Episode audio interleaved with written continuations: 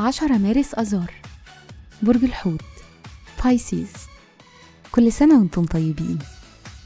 الصفات العامة للبرج صاحب الرؤية العاطفي المنقذ الحالم والشاعر الكوكب الحاكم لا يوجد. العنصر المية.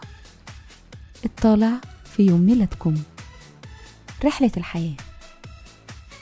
لحد ما بتوصلوا لسن عشر سنين بتزيد حساسيتكم العاطفية وأحلامكم للمستقبل.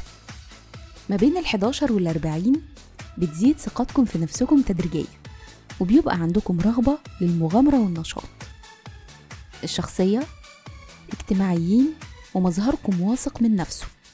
بتتكيفوا بسهولة وبتفهموا الناس بسرعة وده بيضمن لكم النجاح في المواقف الاجتماعية.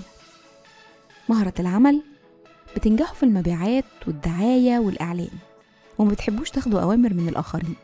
وده بيقول إنكم الأفضل تكونوا في مراكز قيادية أو ممكن تكونوا بتشتغلوا على البيزنس الخاص بيكم.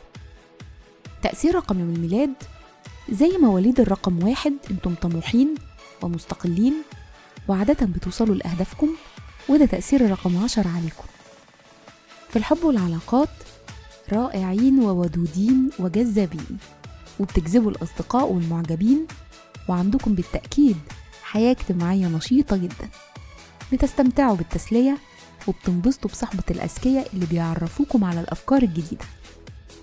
بيشارككم في عيد ميلادكم الشيخ كشك المخرجة إيناس الدغيدي الفنانة يسرى أسامة بن لادن شارون ستون ولاعب الكرة الكاميروني صامويل إيتو. وكل سنة وأنتم طيبين.